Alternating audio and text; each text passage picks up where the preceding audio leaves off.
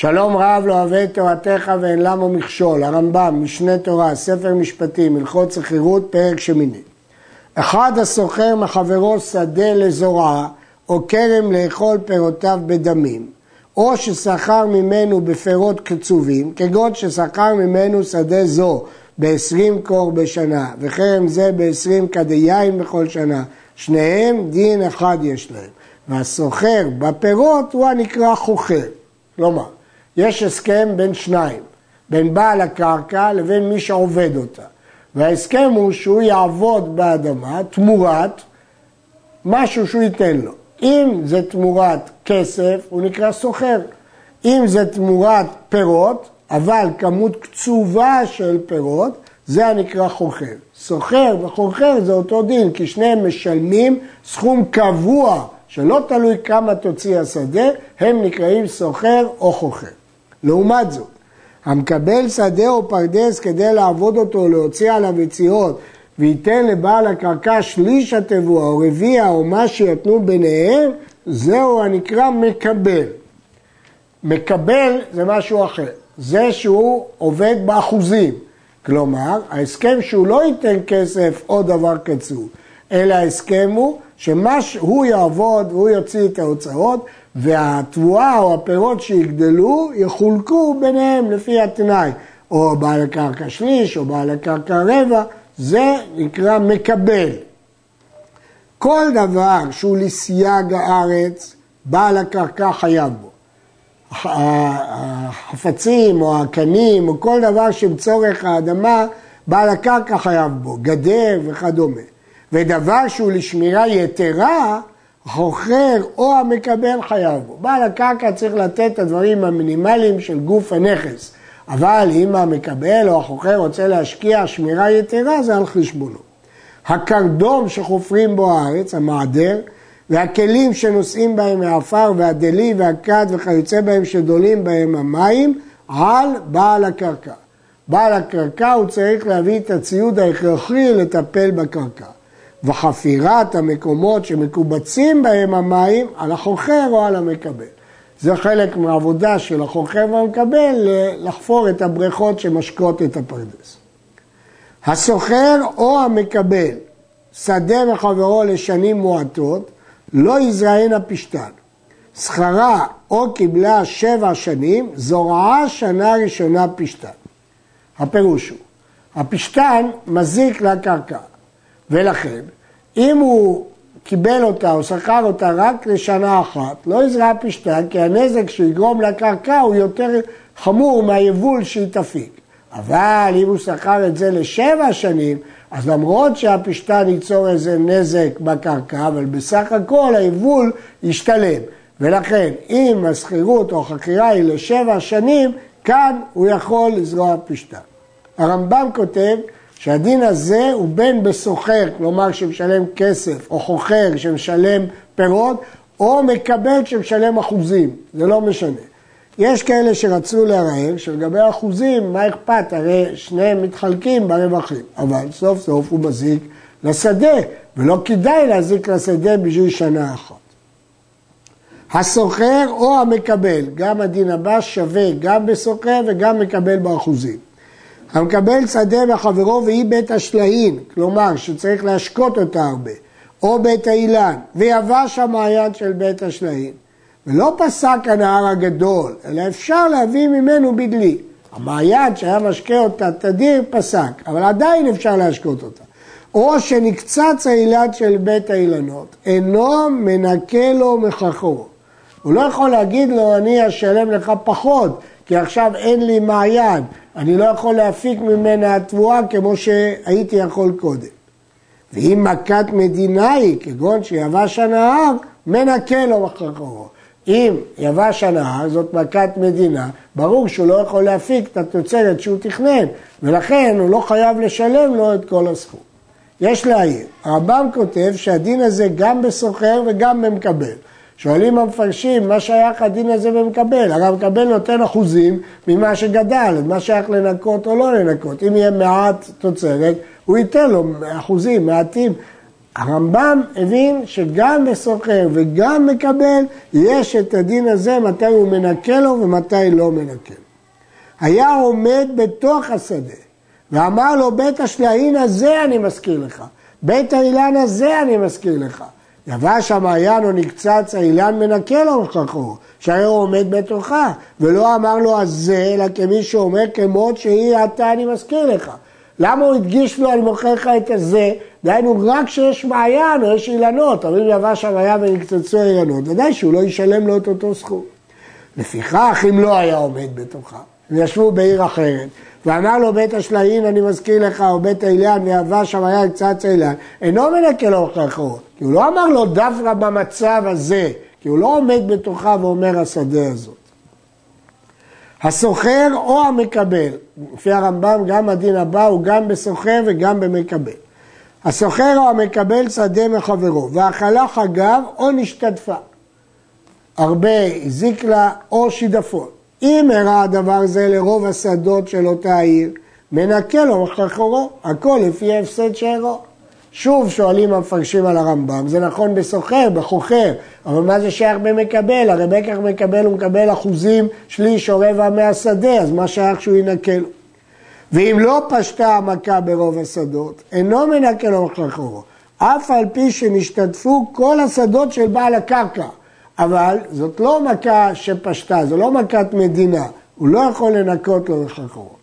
נשתתפו כל השדות של הסוחר או המקבל, גם שדות שלו ממקומות אחרים, אף על פי שפשטה המכה ברוב השדות, אינו מנקה לו מחכרו, שאין זה ההפסד תלוי אלא בסוחר, שהרי כל שדותיו נשתתפו. אומר לו, מזלך גרם, עובדה שכל השדות שלך השתתפו. התנה עליו בעל הקרקע שיזרענה חיטים, וזרעה שעורים, או שלא זרעה כלל, או שזרעה ולא צימחה. הוא עבר על התנאי. אף על פי שבא חגב או שידפון והוכת רוב המדינה, אינו מנקה לו מחרחובו. כי היית צריך לזרוע חיטים כמו שאמר לך. או אם היא לא צימחה, היית צריך לזרוע פעם שנייה. אז מה אתה בא בטענות? גם אם הייתי זורע, היה אוכל אותה שידפון. זה לא משנה. אתה היית צריך לזרוע, ולא קיימת את התנאי. ועד מתי חייב להיטפל ולזרוע פעם אחרת אם לא צימחה? כל זמן שראוי לזרוע באותו מקום. הגמרא מביאה דוגמאות שונות במקומות שונים ולכן הרמב"ם סתם לפי המקובל. אם מקובל להפוך את האדמה ולזרוע שוב ולהפוך את האדמה ולזרוע שלוש או ארבע פעמים, הוא חייב לעשות לפי אותו מנהג. ואם הוא לא עשה את זה, אז הוא הזניח את השדה והוא לא יכול לבוא בטענה של שידפון. הסוחר או המקבל שדה מחברו, מקום שנהגו לקצור, יקצור ואינו רשאי לעקור, כי הם רוצים להשאיר את השאריות לטייב את השדה. מקום שנהגו לעקור ולא אכפת להם מהשאריות, יעקור, לפי מנהג המדינה. ואינו רשאי לקצור, כי השאריות יזיקו ליבול הבא. ושניהם מעכבים זה על זה, כל אחד יכול לדרוש לעשות לפי המנהג. ומקום שנהגו לחרוש אחריו, יחרוש. כל שנהגו שמי שקצר תפקידו גם לחרוש ולהפוך את האדמה אחר כך ליבול הבא, הוא חייב לעשות את זה. מקום שנהגו להשכיר אילנות על גב קרקע, מזכירים. אף על פי שהזכיר לו סתם מפחות מהידוע, הוא לא יכול להגיד לו, מכרתי לך, הזכרתי לך בזול כי לא התכוונתי לעצים. לא, כי במקום הזה כל מי שמזכיר קרקע, מזכיר גם את העצים שבה. ומקום שנהגו שלא להזכיר אילנות, אין לו אילנות על פי ששכר ממנו ביתר על הידוע. הוא לא יכול לטעון, לכן שילמתי לך יותר, כי התכוונתי לזכור גם את האילנות. כי במנהג של המקום הזה לא שוכרים אילנות. הכל כמנהג המדינה.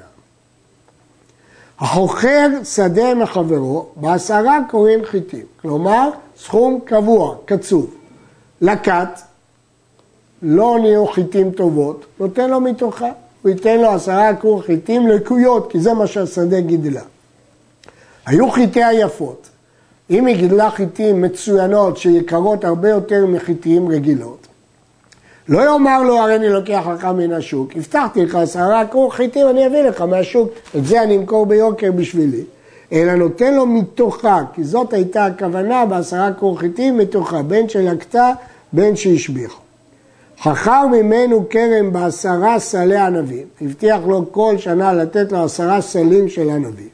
אף על פי שהקריסו אחר שנבצרו, התקלקלו, וכן עומרים שלקו אחר שנקצרו, נותן לו מתוכם, כי זה היה הסכם שהוא ייתן לו מתוך השדה עשרה סלים, למרות שהם התקלקלו.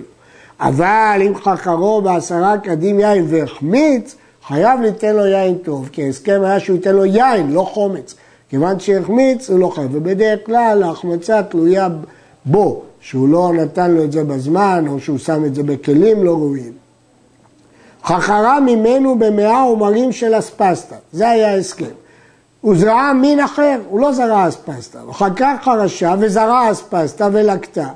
או שזרעה בתחילה אספסטה וחרשה כך זרעה פעם אחרת ולקטה, אינו נותן לו מתוכה. כי הוא אומר לו, למה תיתן לי מתוכה? הרי אתה שינית מהתנאי, אתה זרעת מין אחר, ולכן האספסטה אחר כך, האספסטה השנייה לקטה, או שזרעת אספסטה ואחר כך עשית מין אחר.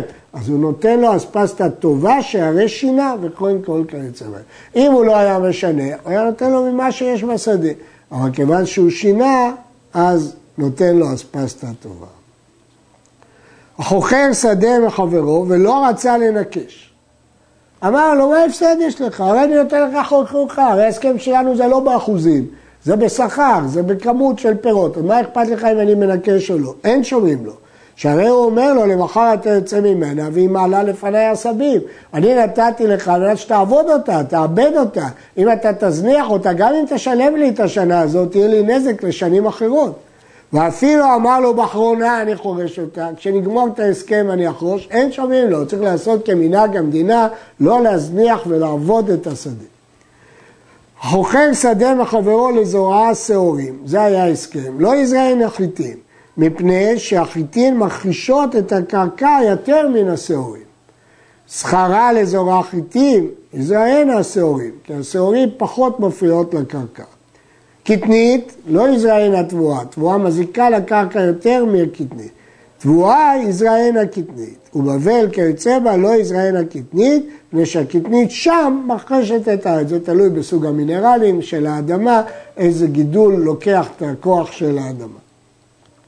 המקבל שדה מחברו לשנים מועטות, אין למקבל כלום בקורת השקמה וכיוצא בה. שקמה היא סוג של עץ שכל שנה הסדן מוציא קורות ויש בתולת השקמה וסדן השקמה משתמשים בהם לבנייה כי הן קורות ישרות. אבל הוא קיבל לשנים מועטות, הוא לא יכול לקחת את קורות השקמה ולא בשבח האילנות שיצאו בשדה מעליהם. אבל מחשבים לו מקום האילנות כאילו היה בהם אותו זרע שזרע בכל השדה. הוא אומר, טוב, אתה לא משלם לי את האילנות, אבל הייתי יכול במקום הזה לזרוע תבואה, אז את זה משלמים לו. והוא שיצמחו האילנות במקום הראוי לזריעה, כי אז הטענה שלו טענה. אבל אם יצאו מקום שאינו ראוי לזריעה, אז הוא לא יכול להגיד הייתי זורע במקומם.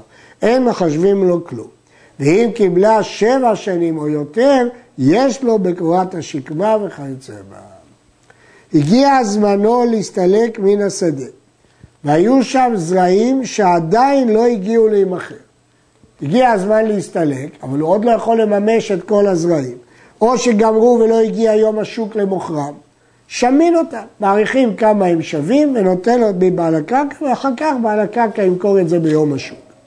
כשם שחולק המקבל עם בעל הקרקע בתבואה, הם קבעו שהוא יקבל שליש מהתבואה, כך חולקים בתבן ובקש, הוא גם יקבל שליש מהתבן ושליש מהקש. כשם שחולקים ביין, כך חולקים בזמורות, יקבל גם שליש מהזמורות. אבל הקנים המעמידים תחת הגפנים, אם קנו אותם בשותפות, הרי אלו חולקים בהם. ואם הם משל אחד מהם, זה שקנה אותם, הרי הם שלו, וכן כל כיוצא. אז מורה היא חלק מהגפן, אז הוא צריך לתת לו שליש, כמו שהוא נותן מהקש, מהתבן, אבל הקנים זה ציוד, מי שקנה את הציוד הזה, זה שייך לו. המקבל שדה מחברו ליטה, מקבל עליו בעל השדה עשרה בוראות למאה שאה. עשרה בוראות זה מלשון בור, שמביירים, מביירים מקום של עשרה אילנות בכל בית שאה. הרי ניגש מפרש, מקבל עליו עשר שורות מבוירות לשאה. הרשב"ם פירש, אה, המקבל פועל ליטה בכל שדה חברו כשיעור שיכולים ליטה, מקבל עליו בעל השדה עשר בוריות למאה, אם יש עשר אילנות בורות שאינם עושים פרי, לא יצטרך המקבל ליטה תחתיהם, כי בכל מאה צפוי שיהיו עשר. ובכן זה פירושים שונים לבוראות, הרמב"ם לא פירט. יתר על כן, אם יש יותר אילנות בורות, מגלגלים עליו את הכל, צריך לשלם גם את העשר הראשונות. המקבל שדה מחברו, באחוזים, בשליש, רבע, ולא עשת, לא הצמיחה בכלל. אם יש בה כדי שתוציא שעתיים יתר על ההוצאה, חייב המקבל להיטפל בה. הוא לא יכול להגיד לא שווה לי כל העבודה, כי היא לא תוציא הרבה יבול. אם היא יכולה להביא שעתיים רווח יותר מההוצאות, הוא חייב לטפל בה. שכך כותב לבעל הקרקע, זה נוסח ההסכם. אני אקום ואניר ואזרע ואקצור ואעמר ואדוש ואזרה ואעמיד קרי לפניך ותיטול אתה חציו, מה שייתנו, ואני אטול השאר בשכר עמלי ובמה שהוצאתי. כיוון שזה ההסכם, אז אם יש רווח של שעתיים יותר מההוצאות, הוא חייב לטפל בשדה. המקבל שדה לחברו, ואחר שזכה בה, הובירה, בכלל לא טיפל בה. שמין אותה כמה היא ראויה לעשות, עושים מערכה כמה השדה יכלה לגדל ונותן לו חלקו שהיה מגיע לו אם הוא טיפל בה. אם ההסכם של בעל הקרקע יקבל שליש, רואים אותה כאילו הוא עבד ונותן לו שליש. מדוע? שכך כותב לבעל הקרקע, אם הוביר ולא אעבוד, אשלם במיטבה. והוא הדין אם הוביר בקצתה. שואל הרמב"ם, למה זה לא אסמכתא בעלמא? הרי כל הבטחה שאדם מבטיח, אם יהיה כך, אני אתן כך, זה אסמכתא. מדוע לא נגיד פה, אם הוביר ולא אביד אשלם, למה זה לא אסמכתא? ומפני מה נתחייב לשלם? מפני שלא פסק על עצמו דבר קצוב כדי שנאמר היה אסמכתא. אם הוא היה אומר, אם אני לא אעבוד, אני אתן לך מאה אלף. זה סתם אסמכתא בעלמא. אלא התנה שישלם במיטבה, בשדה, ולפיכך גמר ושעבד עצמו. זה גדר של גמירות דעת, זה לא סתם אסמכתא.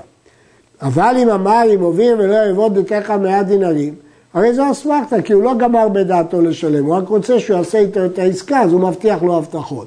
ואינו חייב לשלם אלא כפי מה שהיא ראויה לעשות בלבד. אבל במיטבה, ודאי שהוא חייב לעשות. כלומר, זה שהוא צריך לשלם כמה שהוא היה לעשות, זה הגיוני, זה לא אסמכתא, כי הוא גרם לו נזק. אבל במיטבה, הייתי חושב שזה אסמכתא, לא, זה לא אסמכתא, זה שעבוד גמור. אבל אם זה בסכום, כאילו הוא כונס את עצמו באיזה סכום, זה אסמכתא בעד. המקבל שדה לזורעה שומשמין וזרעה חיטין ועשת חיטים ששוויין כמו שהוא היה לעשות מן השומשמין. אין לו עליו אלא תרעומת, מה אכפת לו? הוא מקבל את אותו סכום כסף מהחיטים או מהשומשמין.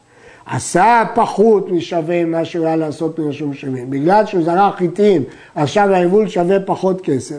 משלם לו המקבל כפי מה שהיא ראויה לעשות מן השומשמין, כי זה היה ההסכם שהוא יזרע סומסמין.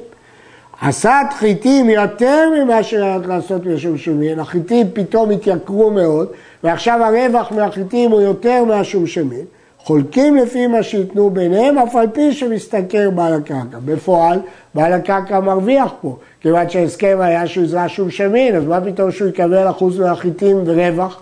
הרי בהפסד אמרנו שיגיד לו אתה שינית מהתנאי, אבל ברווח בעל הקרקע יקבל חולקים לפי מה שייתנו, רבע או שליש מהשום שמין, מהחיטים, למרות שהן יותר יקרות עכשיו משום שמין. עד כאן.